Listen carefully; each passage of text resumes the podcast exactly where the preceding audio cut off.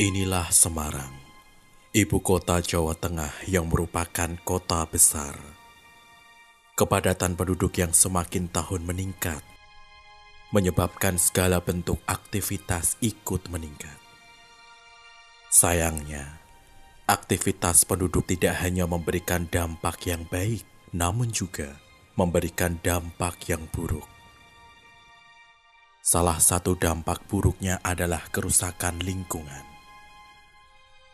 Kurangnya pelestarian hidup di Semarang menyebabkan muncul berbagai masalah.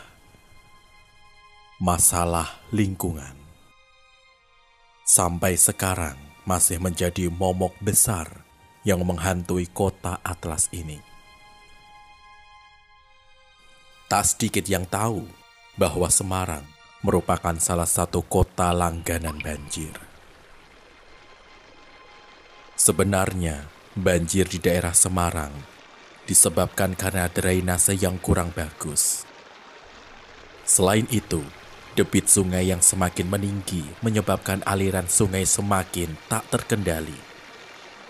Sedangkan kondisi sungai mengalami pendangkalan oleh sedimentasi akibat kerusakan sungai di bagian hulu.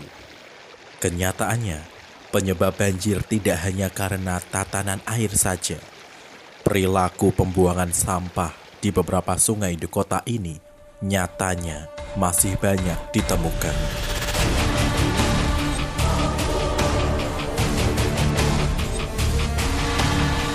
Hal ini tentunya semakin menambah risiko banjir yang terjadi di kota Semarang.